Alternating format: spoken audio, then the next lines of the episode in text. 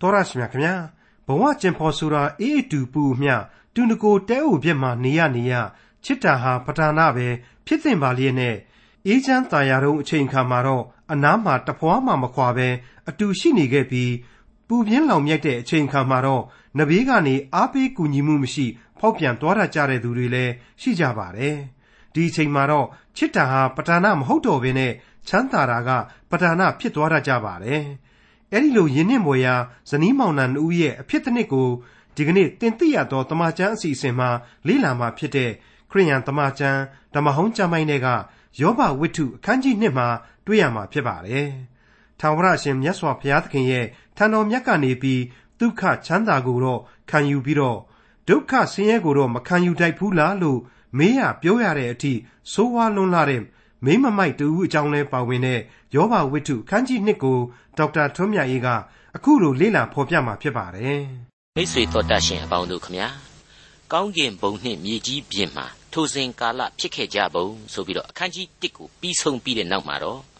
ယောဘဝတ္ထုရဲ့အခန်းကြီး2ကိုဆက်လက်လေ့လာဖို့ရန်ရောက်ရှိလာပါပြီ။အခန်းကြီး2အငယ်1ကိုစတင်နားဆင်ကြကြပါစို့။တဖန် ဖျားသခင်ဤသားတို့သည်ထာဝရဘုရားထံတော်၌ခစားခြင်းငှာလာရသောနေ့ရဲ့အချိန်ရောက်လျင်စာရန်သည်လည်းထာဝရဘုရားထံတော်၌ခစားခြင်းငှာသူတို့နှင့်အတူလာ၏ဘုရားသခင်ဖန်ဆင်းထားတဲ့ထောက်လှမ်းရေးအဖွဲ့လို့ကျွန်တော်ဆိုခဲ့တဲ့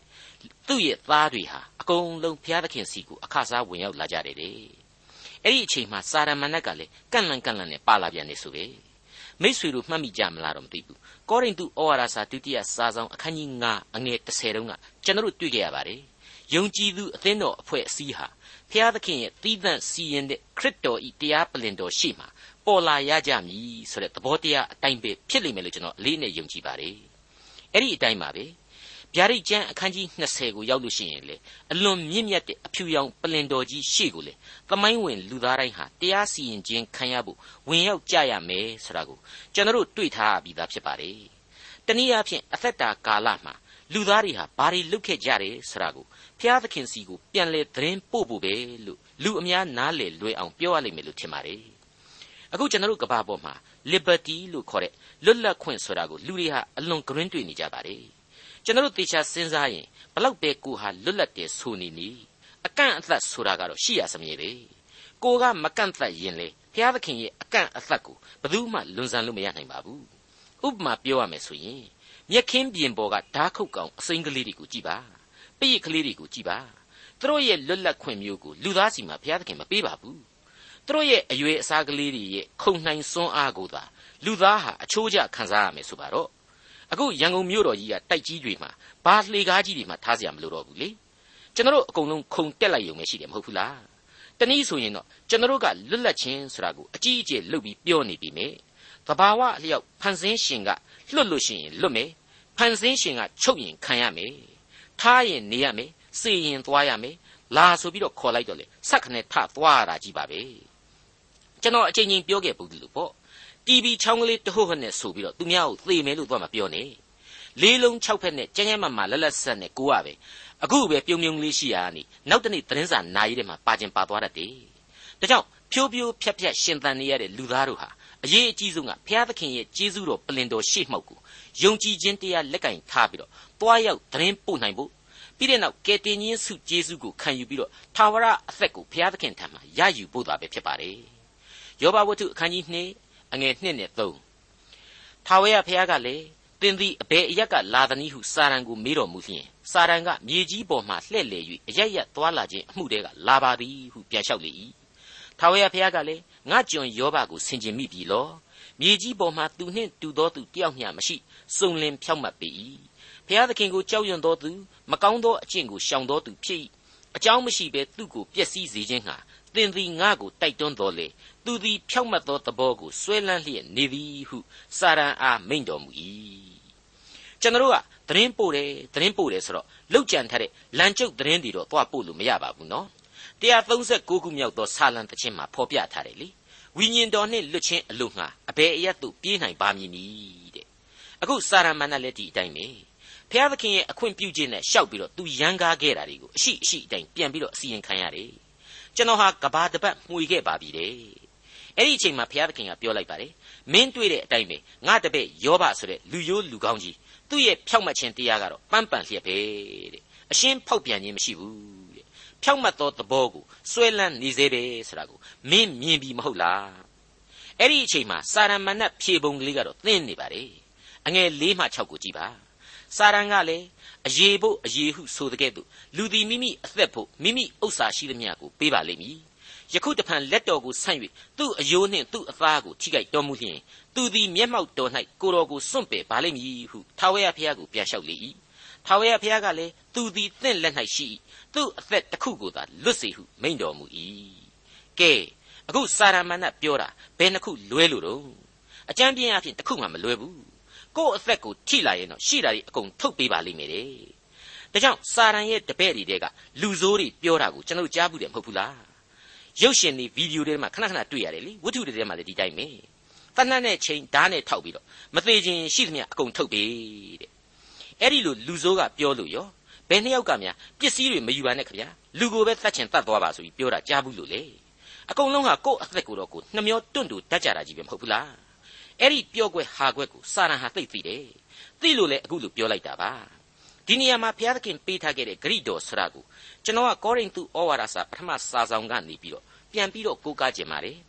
ကောရိန္သုဩဝါဒစာပထမစာဆောင်အခန်းကြီး30အငယ်73ဘုရားသခင်သည်တစ္ဆာနှင့်ပြည့်စုံတော်မူသည်ဖြစ်၍သင်တို့မခံနိုင်သောစုံစမ်းနှောက်ယှက်ခြင်းကိုသင်တို့၌ရောက်စိမ့်သောငါအခွင့်ပေးတော်မမူတဲ့ပြီးတော့မှတခါဆက်ပြီးဖော်ပြလိုက်တယ် သင်တို့သည်ခံနိုင်မည်အကြောင်းစုံစမ်းနှောက်ယှက်ခြင်းနှင့်တကွထွက်မြောက်သောလမ်းကိုလေစီရင်ပြုပြင်တော်မူလိမ့်မည်တဲ့ဒါဟာဘုရားသခင်စောင့်ထိန်တော်မူခြင်းကျေးဇူးတော်သဘောကိုဖော်ပြနေပါတယ်ကျွန်တော်အဖဘုရားသခင်ထံတော်မှာအလွန်ကောင်းမွန်တဲ့သက်သာခြင်းအခွင့်ဆိုတာဟာအဲ့ဒါပါပဲမိษွေတို့ခမညာကိုရှေရေးကိုကျွန်တော်ကြိုတင်မသိပါဘူးဘလောက်အထိကြီးမားစွာဆုံးရှုံးရမယ်ဆိုတာတွေမျက်ရည်ကျခြင်းတွေနဲ့ရင်ဆိုင်ရမယ်ဆိုတာတွေကိုကြိုပြီးမသိရတယ်လို့ ဘလောက်အထိပျော်ရွှင်ရမယ်ဝမ်းမြောက်ရမယ်ဆိုတာတွေကိုလည်းဘယ်သူမှကြိုပြီးမသိနိုင်ပါဘူးဒါပေမဲ့ကျွန်တော်တို့ကိုအဲ့ဒီအရာရာသောဖြစ်ပျက်ပြုပြင်ခြင်းများကြားကနေထွက်မြောက်ခြင်းအခွင့်ကိုပေးမယ်ဆိုတာကတော့သူ့ရဲ့ပရိညင်ဖြစ်ပါတယ်ကမိုင်းကပြောပြလိုက်တဲ့ယုံကြည်သူတို့ရဲ့အသက်တာတိုင်းဟာလေအဲ့ဒီအချက်ကိုမှန်ကန်ကြောင်းတက်တည်ခံခဲ့ပြီးပြီလို့ကျွန်တော်ဆိုချင်ပါတယ်အခုအချိန်မှာတော့ဥဇမြေပြင်ကြည်ပါလျင်ဆိုပြီးတော့ဆက်ရမယ်အပိုင်းကိုရောက်လာပါပြီယောဘဝတ္ထုအခန်းကြီး2အငယ်9နဲ့10ကိုနားဆွင့်ကြည့်ကြပါ စာရန်သည်ထာဝရဘုရားထံတော်မှထွက်သွား၍ယောဘ၏ခြေဘဝမှသည်ဥထိတ်တိုင်အောင်သို့သောအနာစိမ်းများတိုးပေါက်စေ၏ယောဘသည်ကိုကိုချစ်เสียအိုးချမ်းကိုကန်ယူ၍မိဖို့ပြထဲမှထိုင်လေ၏ယောဘတယောက်တော့ဒုက္ခလှကြီးရောက်ပြီရှိသမျှရွှေငွေတွေတိရစ္ဆာန်တွေပျောက်ပြီသားသမီးတွေလည်းကုန်ပြီအခုကျတော့တကိုယ်လုံးခြေဘွားကနေငယ်ရိတ်အထိအနှစိမ့်တွေတလုံးပြီးတလုံးထွက်လာလိုက်တာမြင်လို့တော့မကောင်းတော့ဘူး မနေ့တနေ့ကအထိဒမတ်စကတ်နယ်မြေဥဇဒေသမှာဘီလီယံနာတထေးကြီးနော်တစ်ချိန်လုံးသားသမီးတွေနဲ့လှည့်ပြီးတော့စားတော့နေရတဲ့လူသူတော်ကောင်းကြီးအခုဘာမှမရှိတော့ဘူးပြာပုံကလေးထဲမှာဆောင်းဆောင်းထိုင်ပြီးတော့အပပအပပနဲ့အနာတွေကိုအိုးချမ်းပဲ့ကလေးတွေနဲ့ချစ်ပြီးတော့လှိမ့်ပိန်ဒုက္ခရောက်နေတာကိုတွေ့ရတယ်။အိုးချမ်းပဲ့တောင်မှအိုးချမ်းပဲ့အသက်မဖြစ်နိုင်ဘူး။ဒါလည်းဆိုတော့အသက်ဆိုရင်ရှာမယ်လေ။အဲ့တော့အဟောင်းအမြင်အဆွေးကြီးဖြစ်တဲ့အိုးချမ်းပဲ့ကြီးတွေနဲ့ပဲဒုက္ခအရသာခံပြီးနေရတဲ့သဘောပေါ့။ အဲ့ဒီလိုလူကောင်းသူကောင်းကြီးတယောက်ရဲ့ကပ်ဘေးသင့်ခြင်းနဲ့ပတ်သက်ပြီးတော့ကျွန်တော်ရှင်းလင်းပေးခဲ့တာဒီဟာလုံလောက်ပါမလားလို့ကျွန်တော်မပြောနိုင်ပါဘူး။ဒါပေမဲ့နော်အဲ့ဒီလိုလူကောင်းသူကောင်းစုံလင်ဖြောက်မှတ်သောသူကိုပေးတဲ့အပြစ်မရှိဘဲအပြစ်သင့်စေခြင်းအကြောင်းစာရန်ရဲ့ဂုတ်ခွစီနှိပ်စက်ညှင်းဆဲခြင်းခံစေခြင်းအကြောင်းအဲ့ဒီအချက်တွေကိုတွေ့ရတော့ဘုရားသခင်ရဲ့ညံတော်အနန္တဆိုတာဟာဘလောက်ထိနက်နဲတဲ့ဆိုတာကိုမသိစေနိုင်ပေမဲ့ဘု ရားသခင်ရဲ့ညံတော်အနန္တဆိုတာဘလောက်ကြီးမားစွာတည်ရှိနေတယ်ဆိုတာကိုတော့ခံမှန်းသဘောပေါက်လာစေပါလိမ့်မယ်ဟုတ်ပါတယ်ဘုရားသခင်မှာလုံလောက်တဲ့အကြောင်းရှိနေပါတယ်အဲ့ဒီအထက်မှာတော့ယောဘအတွက်ဘဝရဲ့လောကရန်စီကံကိုသိနာလေစီဖို့ဆိုတာဟာအရေးကြီးတဲ့အချက်တစ်ခုအဖြစ်ပါဝင်တယ်လို့ကျွန်တော်ဖော်ပြထားခြင်းပါတယ်ယောဘအတွက်ပို့ပြီးကောင်းဖို့ဖြစ်လာတယ်လို့ကျွန်တော်ဆိုခြင်းပါတယ်ဒီနေရာမှာတစ်ချိန်လုံးကကျွန်တော်ဖတ်ခဲ့ဘူးတဲ့ကာတွန်းရုပ်ပြောင်တစ်ခုတည်းကအဖေနဲ့သားကလေးတယောက်ဖြစ်ပုံကိုကျွန်တော်သတိရမိပါတယ် အဖေကသားကိုကြိမ်လုံးနဲ့ရိုက်ပြီးတော့သူပါမျက်ရည်တွေလဲလာပြီးတော့မင်းကြီးနာတာမဟုတ်ပါဘူးကွာအဖေလည်းရင်နာရတာပါပဲဆိုတော့သားအဖေကရင်နာတာဘာအကြောင်းဟုတ်လဲကျွန်တော်ကတော့တင်မားတွေအရှိုးထင်ပြီးတော့အထီတောင်မခံနိုင်တော့ပါဘူးခင်ဗျာတဲ့အဲ့ဒါဟာလောကလူသားနဲ့သာကျွန်တော်ကဥပမာဆောင်းတာပါဖျားသခင်အဖို့ကတော့အဲ့ဒီလိုလူတွေရဲ့အပြစ်ပုံစံနဲ့အဖြစ်ပုံစံမျိုးနဲ့တွားပြီးတော့မနှိုင်းရှင်တိုက်ပါဘူးဟေရှာယအနာဂတိကျမ်းအခန်းကြီး55အငယ်9မှာ မိုးကောင်းကင်သည်မြေကြီးတဲ့သာ၍မြင့်တဲ့ကဲ့သို့ငါ၏အကျင့်သည်သင်တို့၏အကျင့်တဲ့၎င်းငါ၏အကြံအစီသည်သင်တို့၏အကြံအစီတဲ့၎င်းသာ၍မြင့်၏တဲ့ဟုတ်ပါတယ်ကျွန်တော်ပြောခဲ့တဲ့အတိုင်းပဲမြင့်မြတ်လွန်းတာကြီးကျယ်လွန်းတာကိုတော့သိရတယ်ဘလောက်နဲ့ဆိုင်တယ်ဆိုတာကိုတော့ကျွန်တော်ကလှမ်းနှိုက်လို့မရဘူးတွက်လို့မရနိုင်ပါဘူးမိတ်ဆွေတော်တတ်ရှင်အပေါင်းတို့ခမညာမျက်မှောက်ခင်မှာကြည့်လိုက်ရင်စိတ်တဗေဒအသိပညာတွေဟာအလွန်တိုးတက်ထွန်းကားလာတော့ကလေးငယ်တွေကိုမရရဘူး နှုတ်နဲ့ပဲပြောရမယ်ဆိုတဲ့တိုးတက်ပြောင်းလဲမှုတွေအတွေးအခေါ်သစ်တွေဖြစ်လာပါတယ်ကျွန်တော်ကလည်းဒါကိုကြိုက်ပါတယ်ဒါပေမဲ့အဲ့ဒီလိုအလိုလိုက်မှုကြီးတွေကြောင့်ကမ္ဘာလူအဖွဲ့အစည်းဟာစီကံအကြီးအကျယ်မဲ့မဲ့ပြီးလာနေတယ်ဆိုတာကိုလေဘယ်သူမှမငင်းနိုင်ဘူးလို့ကျွန်တော်ဖော်ပြချင်ပါတယ်အခုလောလောဆယ်ဖျားရိုက်တာခံနေရတဲ့ယောဘအတွက်ဘာတစ်ခုမှမသက်သာပါဘူးဒါပေမဲ့မမြင်ရတဲ့အနာဂတ်ဆိုတာဟာရှိနေပါသေးတယ်ကျွန်တော်ပြောခဲ့သလိုတစ်ယောဘကိုပုံမကောင်းမွန်တဲ့လူတစ်ယောက်ဖြစ်လာစေတယ်လို့နှစ် ဘုရားသခင်ရဲ့ဘုန်းတော်နာမတော်ကိုထင်ရှားစေဖို့ဆိုတာကိုလည်းတွေ့လာရပါလိမ့်မယ်အခုစာရမဏတ်ကတော့တစ်ယောဘအတွက်ဒုက္ခရောက်ဖို့နဲ့နှစ်ဘုရားသခင်ရဲ့ဘုန်းတော်ကိုရှုံချဖျက်ဆီးဖို့သာဥတည်နေပါတယ်ဟုတ်ပါတယ်ဘုရားသခင်ကိုသူ့ရဲ့သားများတနည်းသူ့ရဲ့ထောက်လှမ်းရေးသမားများရှေ့မှာယောဘကိစ္စကိုအသုံးပြုပြီးတော့စာရန်ဟာရှုံချနေတယ်လို့ပဲလို့ကျွန်တော်ခံယူပါတယ်ဒီကနေ့လူအဖွဲ့အစည်းရဲ့အကျင့်စရိုက်ခံယူချက်ဘုရားသခင်အပေါ်မှာထားရှိတဲ့အမြင်တွေဟာရော စာရမဏေကနေပြီးတော့ဘုရားသခင်ကိုပို့ပြီးတော့လူတွေမေ့လျော့ကြောခိုင်းစေဖို့ထိထိရရဝင်ရောက်ချဲလဲနေတာနဲ့အတူတူပဲလို့ကျွန်တော်အလေးနဲ့ခံယူတွေးဆမိပါတယ်မိတ်ဆွေအပေါင်းတို့ကျွန်တော်ယုံကြည်သူတွေဟာဘုရားသခင်အပေါ်မှာဘယ်လိုသဘောထားကြပါသလဲကောင်းစားမှကိုးကွယ်ရတဲ့ဘုရားသခင်အဖြစ်ခံယူပါသလားကျွန်တော်ဟာရောဘုရားသခင်ကကောင်းကြီးပေးလို့သာဘုရားသခင်ကိုချစ်တဲ့ကျေးစားချစ်သူတွေများဖြစ်နေကြပါသလားဆိုတဲ့အချက်များကိုအလေးအနက်ဆင်ခြင်စဉ်းစားကြရပါလိမ့်မယ် အဲ့ဒီလိုသာဖြစ်နေရင်တော့စာရမဏတ်ရဲ့မဟာဗျူဟာတွေဟာအောင်မြင်ထိရောက်နေပြီလို့ကျွန်တော်တို့ဆိုကြရပါလိမ့်မယ်။သာယာတဲ့လောကပျော်ရွှင်ခြင်းဘဝကိုသာရယူလိုတတ်တဲ့သူအဲ့ဒီလိုလူသားသာဖြစ်တဲ့ကျွန်တော်တို့ကိုနှုတ်ကပတ်တော်ကမမေ့နိုင်အောင်သတိပေးနေတဲ့အချက်တစ်ခုကိုကောရိန္သုဩဝါဒစာဒုတိယစာဆောင်အခန်းကြီး9အငယ်7နဲ့ကိုးကားဖော်ပြလိုပါတယ်။ တို့ဖြစ်၍သခင်ဖျားနှင့်ဆိုင်သောကြောက်မဲ့ဖွယ်သောအကြောင်းအရာတို့ကိုငါတို့သည်သိလျင်လူများကိုနှိုးဆော်သွေးဆောင်ရသည်ဖြစ်၍ဖျားသခင်ရှေ့တော်၌ထင်ရှားကြ၏သင်တို့ဤစိတ်ရှိ၌လေထင်ရှားကြသည်ဟုငါထင်မှတ်၏ဟုတ်ပါတယ်ဘုရားသခင်ဆရာဟာလောကရန်ဖြစ်ပျက်ပြုပြင်ခြင်းအလုံးစုံတို့ရဲ့အထွတ်အထိပ်မှာရှိနေတယ်။တုံညအခြေအနေကနေအရာရာကိုဖန်တီးပြုစုပြောထောင်နိုင်တယ်လို့အကျွင့်မဲ့ဖြစ်စည်းနိုင်သူသခင်လည်းဖြစ်တယ်ဆိုတာကိုကျွန်တော်တို့ဘယ်လို့မှမငြင်းနိုင်ပါဘူး။ ဒါကြောင့်မို့လဲဒီသခင်ကိုကိုးကွယ်ဥညွတ်ဖို့ရို့ကျိုးစွာပြတ်ဝတ်ဖို့ဆိုတာကိုအစဉ်တိုက်တွန်းနှိုးဆော်နေရတာပဲဖြစ်ပါတယ်။ယောဘရဲ့အနာစိမ်းကြီးတွေနဲ့ပတ်သက်ပြီးတော့ British ဆရာဝန်ကြီးဒေါက်တာ Cedric Harvey ဆိုတဲ့ပုဂ္ဂိုလ်ကြီးကဒါရီယာစိတ်အယမ်းညစ်ရာကနေပြီးတော့ psychosomatic dermatitis လို့ခေါ်တဲ့အရေပြားယောဂါတွေဖြစ်လာတာပဲဆိုပြီးတော့သူ့ဆောင်းပါးမှာရေးခဲ့ပါတယ် နယူးယောက်ကနှလုံးယောဂါပါရဂူကြီးဒေါက်တာ CJ Brim ဆိုတဲ့ပုဂ္ဂိုလ်ကတော့ယောဘတယောက်အစားအသောက်တွေပြက်ပြီးတော့ vitamin B ဓာတ်တွေအားနေလာပြီးတော့ pellagra ဆိုတဲ့ယောဂါရတာဆိုပြီးပြောပါတယ်ဘယ်ပါရဂူကဘယ်လိုပဲပြောပြောပါယောဘတယောက်ကတော့အိုးချမ်းပဲအဟောင်းကြီးနဲ့တကိုယ်လုံးရှောက်ချဲပြီးတော့អော်နေရပြီဆိုတာအမှန်ပဲဒီယောဂဇိုးကြီးကိုယောဘဘာကြောင့်ခံစားရတာလဲဆိုတဲ့ကျမ်းစာအဖြေကတော့ထာဝရဘုရားကလည်းသူသည်သင့်လက်၌ရှိ သူ့အသက်တစ်ခုကိုသာလွတ်စေဆိုတဲ့စာရန်ကိုဘုရားသခင်အခွင့်ပြုလိုက်ခြင်းအဖြေပါပဲဒါဟာအခိုင်အကန့်ဆုံးအဖြေပဲလို့ဆိုချင်ပါတယ်ဟုတ်ပါတယ်ယောဘတယောက်မသေးယုံတမင်မျှတာရှိနေပြီဆိုတာရှင်းနေပါတယ်အဲ့ဒီအချိန်မှာဒဇင်ထောင်လာတာကတော့ယောဘရဲ့ဇနီးတွေပါပဲအငယ်ကိုထိုအခါမယားကသင်သည်ဖြောင့်မတ်သောတရားကိုစွဲလန်းသေးသလောဖျားသခင်ကိုစွန့်ပယ်၍သေလောဟုဆို၏အဖန်ကိုသေသေးချာနှထောင်ကြည့်ပါနော် ကိုယ့်ယောက်ျားကိုဆက်ပြီးတော့မခံစားစေခြင်းလို့မကြည့်ရဲ့လို့ကြီးပဲပြောတဲ့အသံမျိုးမဟုတ်ဘူးရှော့ရှော့ပေါ့ပေါ့လေးတွက်လို့မရလိုက်တဲ့အသံမျိုးဖြစ်ပါတယ်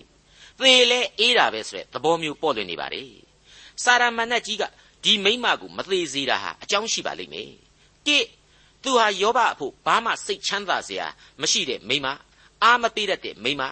ယောဘအဖို့ပျော်စရာမဟုတ်တဲ့မိမမို့လို့အခုလိုအဆင်းမှာဘိမ့်တက်ပြီးသေဖို့အားပေးနိုင်ဖို့အတွက်တမင်ချန်ထားတာဖြစ်နိုင်တယ်။ နှစ်ဘုရားသခင်ကတမင်စာရန်လက်ရှောင်အောင်လုပ်ထားတာလည်းဖြစ်နိုင်တယ်။ဘာဖြစ်လဲဆိုတော့ဒီမိမဟာနှောင်းပိုင်းမှာယောဘအတွက်ကောင်းကြီးအသစ်တွေကိုအမိန့်တော်နဲ့အညီကုညီပံ့ပိုးဖြည့်ဆည်းပေးသွားမှာဖြစ်ပါတယ်။ယောဘဝတ္ထုအခန်းကြီး2အငယ်30ယောဘကလည်းမိမ့်မမိုက်ပြောတတ်တဲ့ကဲ့သို့သင်သည်ပြော၏အဘယ်သို့နည်းငါတို့သည်ဘုရားသခင်၏လက်တော်မှဒုက္ခချမ်းသာကိုခံယူရသည်ဖြစ်၍ဆင်းရဲဒုက္ခကိုမခံယူရသလောဟုဆို၏ ယောဘသည်ဤအမှုများကိုတွေ့ကြုံတော်လဲနှုတ်ဖြင့်မျှမမှားယွင်အခုအသံပလံအရာနောက်ထပ်ရယူနိုင်တဲ့အဖြေတစ်ခုကတော့ဒီမိမဟာစာရန်ကြောင့်သာသူ့ယောက်ျားကိုသိစီကျင်တာဘုရားသခင်ကိုစွန့်ပယ်ခိုင်းတာဆိုတာကိုတွေ့လာရခြင်းပါပဲယောဘဟာသူ့မိမကိုကြို့နေရတဲ့လူမဟုတ်ပါဘူးကြောက်နေရတဲ့လူမဟုတ်တယ်လို့သူမိမရဲ့အာနယ်ချက်ကိုလေဆုံးမပဲ့ပြင်နိုင်ခဲ့သူဖြစ်တယ်ဆိုတာပေါ်လာပါတယ် မိမဟာလည်းယောဘစကားကိုနားထောင်နာယူတတ်သူဆိုတဲ့အဖြေကိုပါရယူထုတ်နှုတ်နိုင်တယ်လို့ကျွန်တော်ယူဆပါတယ်မိတ်ဆွေအပေါင်းတို့ခမညာအခုအချိန်မှာတော့ယောဘဝတ္ထုရဲ့အခမ်းအနားအခင်းအကျင်းတွေဏိဒန်းတွေဟာဖော်ပြခဲ့ပြီးပြီလို့ကျွန်တော်ဆိုချင်ပါတယ်ပြိုးပြီးခဲ့တဲ့ဏိဒန်းပေါ်မှာမူတည်ပြီးတော့ယောဘရဲ့ဘုံဘဝကြုံသမျှအဖြစ်တွေဘယ်လိုပေါ်ထွန်းလာမလဲဆိုတာကိုဆက်ကြရပါတော့မယ်ဟုတ်ပါတယ်ပြီးခဲ့တဲ့ယောဘဇလန်းတလျှောက်ဒုက္ခဘလောက်ရောက်ရောက်ဘုရားသခင်ပေါ်မှာအရှင်းမဖောက်ပြန် ဘုရားသခင်ပေါ်မှာအရှင်းမပြစ်မှားခဲ့တဲ့ယောဘရဲ့အခြေခံအရင်းခံစိတ်ဓာတ်တွေဟာဘယ်လိုအတိုက်အခိုက်ခံရမယ်ဘလောက်ထိရိမ့်ရိုင်လှုပ်ရှားစေမယ်ဆိုတာတွေကိုဆက်လက်ရှုမြင်သုံးသပ်ကြရပါတော့မယ်ယောဘဝတ္ထုအခန်းကြီး2အငယ်7ထိုအခါတေမန်အမျိုးသားအေလိဖတ်ရှုအာအမျိုးသားဘိလဒတ်နေမတ်အမျိုးသားဇောဖာဒီဟုသောယောဘ၏အဆွေခင်မွန်း၃ယောက်တို့သည်သူ၌ရောက်သောဤအမှုကြီးအလုံးစုံတို့ကိုသတင်းကြားလျင် ယောဘနှင့်အတူညီးတွား၍သူ့ကိုနှစ်သိမ့်စေခြင်းဟာစီဝေးမြည်ချင်းချက်သည့်အတိုင်းအသီးအသီးမိမိတို့နေရာအရမှရောက်လာကြ၏မိษွေတို့ရေတေမန်အမျိုးသားအေလိဖတ်ဆရာဟာကဘာဦးကျမ်းအခန်းကြီး36အငယ်30နဲ့18အရာအေသောရဲ့သားကြီးရဲ့အမျိုးအနွယ်ဖြစ်တယ်ဆိုတာကိုကျွန်တော်ဖော်ပြခဲ့ပြီးပါပြီအဲ့ဒီလိုပါပဲရှုအာအမျိုးသားဘိလဒတ်ဆိုတာကိုလည်းအဖြေဖော်ရမယ်ဆိုရင်ကဘာဦးကျမ်းအခန်းကြီး25အငယ်1ကိုကျွန်တော်ရယူနိုင်ပါတယ် အာဗြဟံဟာသူမသေးခင်အိုမင်းရေရော်နေတဲ့အချိန်မုတ်ဆိုးဘိုလ်ကြီးဘဝမှာကေတုရဆိုတဲ့အမျိုးသမီးနဲ့သားသမီး6ယောက်ကိုမွေးခဲ့တယ်အဲ့ဒီအထဲကအငယ်ဆုံးဟာရှုအာဆိုတာကိုတွေ့ရလို့အာဗြဟံရဲ့မျိုးဆက်ထဲကဘိလဒတ်ဆိုတာဟာရှုအာအမျိုးသားဖြစ်ကြောင်းကိုဆက်လက်တွေ့ရှိနိုင်ပါတယ်နေမတ်အမျိုးသားဆိုတာကတော့အာရေဗျသဲကန်တာယမြောက်ပိုင်းကလူမျိုးတစ်မျိုးဖြစ်ပြီးတဲ့နောက်ဇောဖာဟာအဲ့ဒီနေမတ်အမျိုးအနွယ်ဝင်ဖြစ်တယ်လို့သိနိုင်ပါတယ်ဒီအချက်တွေဟာ ယောဘဝတ္ထုအစပိုင်းမှာကျွန်တော်ပြောခဲ့တဲ့အတိုင်းပဲဒီဝတ္ထုဟာအလွန်ရှေးကြတဲ့ကဘာဦးယာကုပ်တို့ခေတ်ကဇလန်းဖြစ်လို့ကဘာပေါ်မှာအဟောင်းဆုံးဝတ္ထုကြီးတစ်ပုဒ်ဖြစ်တယ်အခြေတီးယာအရက်ဟာစီးရီးယားသဲကန်တာယဓမ္မသက်ဒေသဖြစ်နိုင်တယ်ဒီကနေ့ဖို့တော့ဒမတ်စကတ်ဒေသပေါ့မိသားစုခေါင်းဆောင်ဖခင်ကြီးများကသာလူအဖွဲ့အစည်းကိုဥဆောင်ခဲ့တဲ့ခေဟောင်းတစ်ချိန်ဖြစ်ရလိမ့်မယ်ဆိုတဲ့အချက်တွေကိုထောက်ခံအားပေးလိုက်တာ ਨੇ အတူတူပဲလို့ကျွန်တော်ဆိုချင်ပါတယ်။ကောင်းပြီ။ ဒါဆိုရင်ဏိဒန်းပြိုးတော့ကမဖော်ပြဘဲထားခဲ့တဲ့အချို့အချက်တွေကိုကျွန်တော်ပြောမှဖြစ်ပါတော့မယ်။မပြောမပြီးမတိမမီဆိုသလိုပေါ့။ကပ္ပရှေးအကြဆုံးကာလကလူအဖွဲ့အစည်းကိုအခြေခံပြီးတော့ထွက်ပေါ်ခဲ့တဲ့ဒီဝတ္ထုကြီးကိုဒီလောက်အထိစီကာပတ်ကုံတီကျူးဖွင့်ရရတာဟာဘာကြောင့်လဲ။ဒီလောက်အထိအိုမင်းရင်ရော်တဲ့ပေးလွှာပေါ်မှာစာရန်နဲ့ဘုရားသခင်ရဲ့အကြောင်းကိုလူသားတို့ရဲ့ဇယိုက်နဲ့ဇလန်းဆင်ပြီးတော့အခုလိုကပီးတင်စေတာဟာဘာဖြစ်လို့လဲဆိုတဲ့အချက်ဒီပါပဲဟုတ်ပါတယ်မိတ်ဆွေအပေါင်းတို့ အကြောင်းမရှိဘဲနဲ့တော့ဒီလောက်ဟောင်းနှွမ်းတဲ့စာပေကိုဒီလောက်အထိအိုမင်းရင်ရော်တဲ့ကလောင်ဟာအချိန်ကုန်ခံပြီးတော့မရေးမဖွဲ့ခဲ့မှာအသေးချပါပဲကလောင်ရှင်ရဲ့အုံနှောက်တွေးဟာလေတွေးတောင်မှမတွေးခဲ့မိမှာအသေးချပါပဲအခုတော့တွေးပြစ်အောင်တွေးပြီးတော့ရေးပြစ်အောင်ရေးခဲ့ပြီးပြီဒါကိုပဲဘုရားသခင်ဟာနှုတ်ကပတ်တော်ထဲမှာတပုတ်သောဝတ္ထုအဖြစ်အသုံးမပြုတ်မဖြစ်သုံးလိုက်ပြန်ပြီဒါဟာအရေးတကြီးမှတ်တမ်းတင်ရမယ့်အချက်ပါပဲ ဒါကြောင့်မလို့ဒီအလုံးစုံသောအချက်တွေကိုခြုံငုံသုံးသပ်ပြီးတဲ့နောက်ကျွန်တော်ပေးလိုတဲ့အဖြေကတော့ယောဘဝတ္ထုဟာဘုရားသခင်ကနေပြီးတော့လူသားတို့အတွက်ရှုထောင့်တနေရာကဝိညာဉ်ရေးအဖြေကိုရှာဖွေဖို့ရေးကိုရေးရမယ်နှုတ်ကပတ်တော်တွေအတွက်လူသားတို့ကလည်းရွေးကိုရွေးရမယ်ဆိုတဲ့အမိန့်တော်နဲ့ပေါ်ထွက်စေတဲ့ဝတ္ထုကြီးဖြစ်ကိုလာရတယ်ဆိုတဲ့အချက်ပါအခုအချိန်မှတော့ဒီအတွေးတွေကိုတခဏဘေးဖယ်ပြီးတော့ယောဘရဲ့အဖြစ်ဆိုးတွေကိုပဲဆက်လက်လေ့လာကြပါစို့ငါတို့မိษွေကြီးယောဘတယောက်တော့ဒုက္ခတွေတလှေကြီးဆိုင်နေပြီ ရှိသမျှပိုက်ဆံတွေကုန်ပြီးတော့သားသမီးတွေဟာအကုန်သေကုန်ကြပြီဒါကြောင့်မလို့မင်းတို့ငါတို့သွားပြီးတော့အားပေးကြစို့နှစ်သိမ့်ကြစို့ဆိုပြီးတော့အေလိဖတ်ဘိလဒတ်ဇောဖာတို့၃ယောက်ဟာမိမိတို့ရှိနေရအရက်အသီးသေးကနေပြီးတော့ဘိုဒီဘတ်တီနဲ့စုယုံရောက်ရှိလာကြပါလေတဲ့သူတို့ဟာယောဘကိုအလွန်ချစ်ခင်တဲ့မိษွေကြီးတွေစေတနာစိတ်သဘောရှိတဲ့မိษွေကြီးတွေဆိုတာကိုတန်တရားရှိဖို့မလိုပါဘူးဒါကြောင့်မို့လို့လေယောဘရဲ့အခုလိုဒုက္ခခံစားရအချိန်ကာလမျိုးမှာလာရောက်ကြတာသာဖြစ်ပါတယ်ဒါရှင်းနေပါတယ် ဒါပေမဲ့သူတို့ဟာဖြစ်ရတို့ရဲ့အပေါ်ယံလွှာကိုသာကြည့်ပြီးတော့မြင်တတ်တဲ့သူတွေသာဖြစ်တယ်အဲ့ဒီဖြစ်ရတည်းရဲ့နဲ့ဆိုင်သောသဘောတရားအမှန်ဟာဘာတွေဖြစ်တယ်ဆိုတာကိုတော့မသိနားမလည်ကြဘူးဆိုတဲ့အချက်တွေကိုတော့ကျွန်တော်တို့ဇက်တိုက်တွေ့သွားကြရပါလိမ့်မယ်သူတို့မှာစေတနာရှိတယ်ယောဘအခုလိုဖြစ်တာဘာကြောင့်လဲဆိုတာကိုလေကိုဟာကိုသိကြသလိုလိုဘာလိုလိုသူတို့ယင်ထဲမှာရှိတယ်ဒါကြောင့်မို့လေဖြစ်မှာပေါ့ဒါကြောင့်ကိုဆိုတဲ့ထင်ကြီးကလေးတွေကိုစီကိုငှယင်ထဲမှာရှိတယ် ဒါပေမဲ့ဖြစ်ရရဲ့အကြောင်းရင်းကိုမှနားမလဲတာသူတို့ထင်ကြီးတွေသူတို့သိပါတယ်ဆိုပြီးတော့ဟန်ဆောင်နေတာတွေဟာအကုန်ဖွဲနဲ့စကွဲတွေကြီးပဲဖြစ်ကုန်ကြရတယ်ဆိုတာကိုကျွန်တော်မြင်ကြရပါလိမ့်မယ်ပြိတ်တော်မဆန်းဘူးလေကျွန်တော်ပတ်ဝန်းကျင်မှာသူများဒုက္ခလှလှကြီးရောက်ပြီးကိုယ့်ရုပ်ကာယတွေဖြစ်ကုန်ကြပြီဆိုရင်ကျွန်တော်ကကြိတ်ကြိတ်ကြိတ်ကြိတ်နဲ့ဖြစ်မှာပေါ့သူတို့ကဒီလိုဒီလိုကိုဆိုတာမျိုးတွေးရကြတယ်မဟုတ်ဘူးလားအဲ့ဒီသဘောတရားအတိုင်းပါပဲဘာပဲဖြစ်ဖြစ်အဲ့ဒီမိษွေကြီး၃ယောက်ရဲ့အကြောင်းကိုဆက်ပြီးတော့နားဆင်ကြည့်ကြပါ ယောဘဝတ္ထုအခန်းကြီး2အငယ်7နဲ့73ဏိကုံထိုသူတို့သည်အဝေးကမျှော်ကြည့်၍ယောဘကိုမသိလျင်အသံကိုလွှင့်၍ငိုကြွေးကြ၏အသီးအသီးမိမိတို့ဝတ်လုံကိုဆုပ်၍မြေမှုန့်ကိုယူပြီးလျင်မိမိတို့ခေါင်းပေါ်သို့ကြာရောက်စေခြင်းဟာမိုးကောင်းကင်ပေါ်သို့ပြစ်တင်ကြ၏ခုနှစ်ရက်ပတ်လုံးယောဘနှင့်အတူမြေပေါ်မှထိုင်၍သူသည်ပြင်းစွာသောဆင်းရဲခံရကြောင်းကိုသိမြင်လျင်အဘယ်သူမျှစကားမပြောမဆိုဘဲနေကြ၏အတိတ်ကာလတုန်းက အေယာမဥယျင်အလဲကအင်ကြီးနဲ့သားသမီးတွေတယုံယုံနဲ့ရွှေအနာကွတ်ထားတဲ့ကော်စောအပြည့်နဲ့စပွဲပေါ်မှာလည်းအစားအသောက်တွေအမျိုးမျိုးနဲ့တဟဲဟဲတဟီဟီကြိုဆိုနေကြမိတ်ဆွေကြီးယောဘဖြစ်ခဲ့လိမ့်မယ်အခုတော့အဲ့ဒီဟာတွေတခုမှမရှိတော့ဘူးအ ਨੇ ဆုံးဥဇဒေသကတထေကြီးယောဘမှာစင်ပိန်ကျွဲဆိုတဲ့အဆင့်လောက်တော့သူတို့ကမျောလင့်ခဲ့ကြမယ်လို့ကျွန်တော်တွေးတယ် အဖိုးတန်ရွှေငွေရတနာတွေဆုံးသားသမီးတွေကဆုံးမိမယ်ဟောင်းလောင်းပေါက်ဖြစ်နေတဲ့အင်ကြီးအဝကနေလင်မယားနှစ်ယောက်မျက်နှာငယ်ကလေးနဲ့သူတို့ကိုကြိုဆိုပြီးတော့ဖြစ်ချောင်းကုံစင်လောက်တော့ပြောနိုင်လိမ့်အောင်မယ်အမှတ်နဲ့အားပေးမယ်ဆိုပြီးသွားတဲ့ရဲဘော်ကြီး၃ယောက်ဟိုလဲရောက်ကောအိမ်ကိုတောင်မတွေ့ရတော့ဘူးအဲ့ဒါနဲ့နောက်ဖေးဘက်ကအစေခံတန်လျာလေးများရှိအောင်မလားဆိုပြီးလှမ်းကြည့်လိုက်တော့လေအဲ့ဒါလေးလည်းမရှိတော့ဘူးတဲ့အကုန်ပြုတ်ကုန်ပြီလေအဲ့ဒါနဲ့ပဲနေပူကျဲကျဲမှာနဖူးကိုလက်ဝါးလေးတွေနဲ့ကာမျက်ခုံးရှုံပြီးတော့သေသေးချာချာကြည့်တော့မှလာလာ ဘယ်တော့မှသူတို့မသိခဲ့တဲ့ယောဘအဖြစ်ပုံစံသစ်နဲ့တွေ့ရတော့တယ်အဲ့ဒါတော့တခြားမဟုတ်ဘူးပြာပုံပေါ်မှာစောင့်ဆောင်ထိုင်ပြီးတော့အနာတွေကိုအိုးချမ်းပဲအဟောင်းကြီးနဲ့ချစ်အပပအပပဖြစ်နေတဲ့ယောဘပဲအဲ့ဒီမှာတင်အားပေးမဟဲ့ဆိုပြီးမောင်းတင်လာတဲ့အပေါင်းအသင်း၃ယောက်ဘာလုပ်တယ်လဲစကားတခုမှအာမပေးနိုင်တော့ဘူးရှိုက်ကြီးတကင်နဲ့အသံလွှင့်ပြီးတော့ငိုတယ်တဲ့ပြီးတော့ယောဘနဲ့မလှမ်းမကန်းကလေးမှာပဲထိုင်ပြီးတော့ခုနှစ်ရက်နဲ့ခုနှစ်ညပတ်လုံးတကယ်ချင်းရဲ့မင်းနဲ့ အတူငါတို့ခမညာဟာထတ်တူထတ်မြခံစားကြရပါတယ်ကွယ်ဆိုတဲ့အထိတ်အမှတ်ကိုဖော်ပြဖို့ဝတ်လုံတွေကိုစုပ်တယ်မြေမုံတွေကိုအပေါ်ကိုပြစ်ပြစ်တင်ပြီးတော့ဖွာကနေဖွာကနေကြာလာတဲ့အချိန်မှာဇက်ကလေးတွေပုမျက်စိကလေးတွေဇုံမှိတ်ပြီးတော့မချိတင်ငယ်ပုံစံမျိုးကြီးတွေနဲ့တိတ်တိတ်ကလေးထိုင်နေကြပါလေရောတယ်။ဘာကြောင့်အခုလို့ဘာမှမပြောဘဲနေသလဲ။ရှင်းရှင်းကလေးပြောရရင်တော့ဘာမှသူတို့မပြောတတ်တော့လို့မပြောတာ။ဟုတ်တယ်။တိသူတို့ဖျားသခင်အကြောင်းကိုမသိပါဘူး။နှစ် သူတို့ယောဘရဲ့အကြောင်းကိုမသိပါဘူး။သုံးသူတို့ဟာနောက်ဆုံးကျတော့ကို့အကြောင်းကိုတောင်မှကိုမသိကြတဲ့လူသားတွေဖြစ်နေပါလေ။အဲ့ဒီတော့ဘာမှမသိတဲ့ဘဝမှာဘာသွားပြီးပြောတတ်တော့မှလေ။ဟုတ်ပါတယ်ဘာမှမသိတဲ့သူတို့အနေနဲ့ဘာမှမပြောတာဟာလေအကောင်းဆုံးပါပဲဒါပေမဲ့မပြောတာမပြောတတ်တာမပြောတဲ့အကြောင်းကိုတော့သူတို့ဝန်မခံဘူးသူတို့ရဲ့ယင်ထဲမှာသူတို့ဟာအရာရာကိုသိနာလေတယ်ဆိုတဲ့အသိတွေကဝင်နေတယ်တနည်းအားဖြင့်တော့လူသားရဲ့မာနပေါ့ အဲ့ဒါနဲ့ပဲခုနှစ်ရက်ခုနှစ်ညစလုံးသူတို့မှာကိုဘာမှမသိတဲ့အရာတွေအတွက်အဖြေတွေဆွတ်ဆွတ်ရွရွရှာပြီးနေခဲ့ကြလိမ့်မယ်တွေးခေါ်မျှော်မြင်ပြီးတော့သဘောတရားကြီးတွေထုတ်နှုတ်နေခဲ့ကြလိမ့်မယ်ဒါဟာသူတို့ရဲ့နောက်ပိုင်းအဖြေစကားတွေသူတို့ပြောစကားတွေအရထင်ရှားပြီးလာရလိမ့်မယ်အဲ့ဒါနဲ့ပဲ၃ယောက်သားတယောက်နဲ့တယောက်လှမ်းပြီးကြည့်လိုက်ခေါင်းကလေးတွေတယန်းယန်းနဲ့မချီပြုံးပြုံးပြီးတော့ပြလိုက်နဲ့လုံနေခဲ့ကြလိမ့်မယ်ပြီးတော့မတူညီသောလူ၃ယောက်တို့ရဲ့တူညီနေသောအတွေးပန်းတိုင်တစ်ခုအတွက်သုံးနေရာကနေ ခွဲပြီးတော့တွေးနေခဲ့ကြလိမ့်မယ်အဲ့ဒီတူညီသောအတွေးကတော့ငါတို့အပေါင်းအသင်းယောဘတယောက်ဟာတခုခုမဟုတ်တာလုပ်မိလို့မဟတ်တာဖြစ်မှာပဲဆိုတဲ့အတွေ့ဖြစ်ရလိမ့်မယ်လို့နောင်အခန်းကြီးတွေအတွက်ကျွန်တော်ကကြိုပြီးတော့အစဖော်ပေးလိုက်ပါရစေဟုတ်ပါတယ်လောကမှာလူသားဟာကောင်းအောင်ကြိုးစားရင်ကောင်းကိုကောင်းရမယ်ဟုတ်တာလုပ်ရင်မဟတ်တာဖြစ်ကိုဖြစ်ရမယ်ဆိုတာကိုပဲလူသားတို့ဟာတွေးတတ်စမြဲပဲမဟုတ်ဘူးလား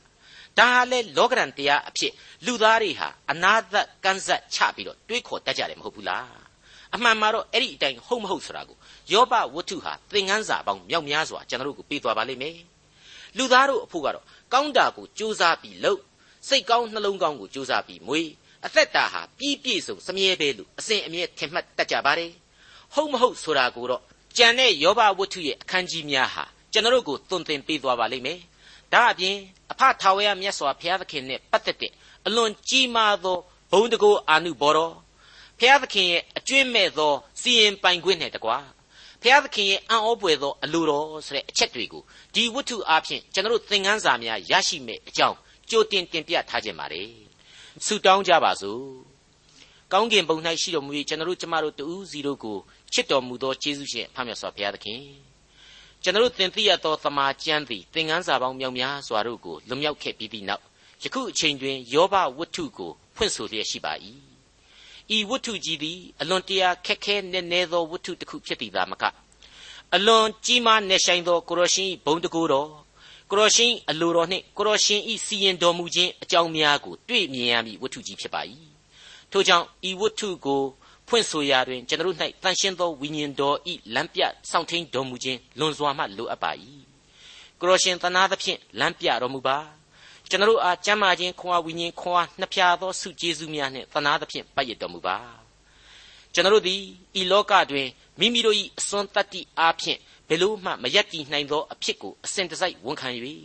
ကိုရရှင်ကိုအစဉ်အမြဲမျက်မှောက်ပြုအားကိုးတတ်သောသူများဖြစ်ဖို့ရန်အတွက်ဤသင်ခန်းစာများမှ ကိုရရှင်သွန်သင်၍ပေးတော်မူပါကျေးဇူးရှင်အဖမြတ်စွာဘုရားသခင်တင်သိရသောတမန်ကျမ်းဤသင်ခန်းစာများတို့သည်ရှေ့တွင်လည်းမြောက်များစွာသောသင်ခန်းစာများအဖြစ်စောင့်လျက်နေပါ၏ကိုရရှင်လမ်းပြတော်မူပါကိုရရှင်ဤဥဆောင်တော်မူခြင်းမရှိလျင်ကျွန်တော်ဤအုံနှောက်နှင့်ဖွင့်ဆိုသောအရာတို့သည်ဝိညာဉ်အရှိန်တကိုးပါဝင်မည်မဟုတ်ဘဲအကျိုးကျေးဇူးဘာမျှမပြုနိုင်ဟုကျွန်တော်လေးနဲ့စွာခံယူပါ၏ ကိုရရှင်ပြုတော်မူသောကျေးဇူးတော်များကိုလည်းအစဉ်တစိုက်ချီးမွမ်းကြပါ၏ကိုရရှင်ဤကောင်းကြီးပေးခြင်းကိုလည်းအသနာခံပါ၏အိုးဖားမြတ်စွာဘုရားသခင်ဤသင်ခန်းစာများတို့ကိုအချိန်မှန်စောင့်မျှော်နားဆင်လျက်ရှိကြသောမြန်မာနိုင်ငံအရရမှသောတာရှင်မိတ်ဆွေသင်္ဃာများအားလုံးတို့အပေါ်မှာလဲကိုရရှင်ကောင်းကြီးမင်္ဂလာပေးတော်မူပါသင်ခန်းစာတစ်ခုစီတို့ကိုစိတ်စိတ်ဆင်ခြင်နှလုံးသွင်း၍အဖဖျားသခင်ဤဥဆောင်တော်မူခြင်းကိုခံယူ၍ကိုရရှင်ဤကောင်းကြီးမင်္ဂလာကိုမျှော်လင့်၍ ဤသင်ခန်းစာများမှဝိညာဉ်ခွန်အားများကိုအပြည့်အဝရယူနိုင်ဖို့ရန်သူတို့၏စိတ်နှလုံးများကိုပြုပြင်တော်မူပါထို့မြသာမကသူတို့တူးစီတို့ဤအိမ်တောင်မိသားစုပတ်ဝန်းကျင်အရရမှလည်းကိုရရှင်ကောင်းကြီးမင်္ဂလာပေး၍သာယာဝပြောခြင်း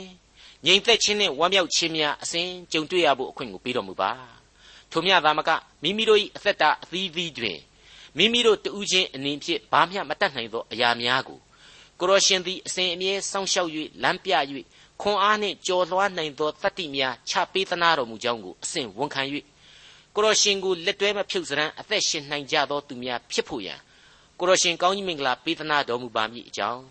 ကယ်တင်ရှင်သခင်ခရစ်တော်၏မဟာနာမတော်မြတ်ကိုသာအမိပြု၍အလွန်ယိုသေးလေးမြတ်ခြင်းဖြင့်ဆုတောင်းအသနာခံဝန်ပါသည်ဖဖျားအာမင်ဒေါက်တာထွန်းမြတ်ရေးစီစဉ်တင်ဆက်တဲ့တင်ပြတော်တမချန်းအစီအစဉ်ဖြစ်ပါတယ် နောက်တစ်ချိန်အစီအစဉ်မှာခရိယန်တမချန်းဓမ္မဟောင်းကျမ်းပိုင်းတွေကယောဘဝိတ္ထုခန်းကြီး3ကိုလေ့လာမှဖြစ်တဲ့အတွက်စောင့်မျှော်နားဆင်နိုင်ပါတယ်။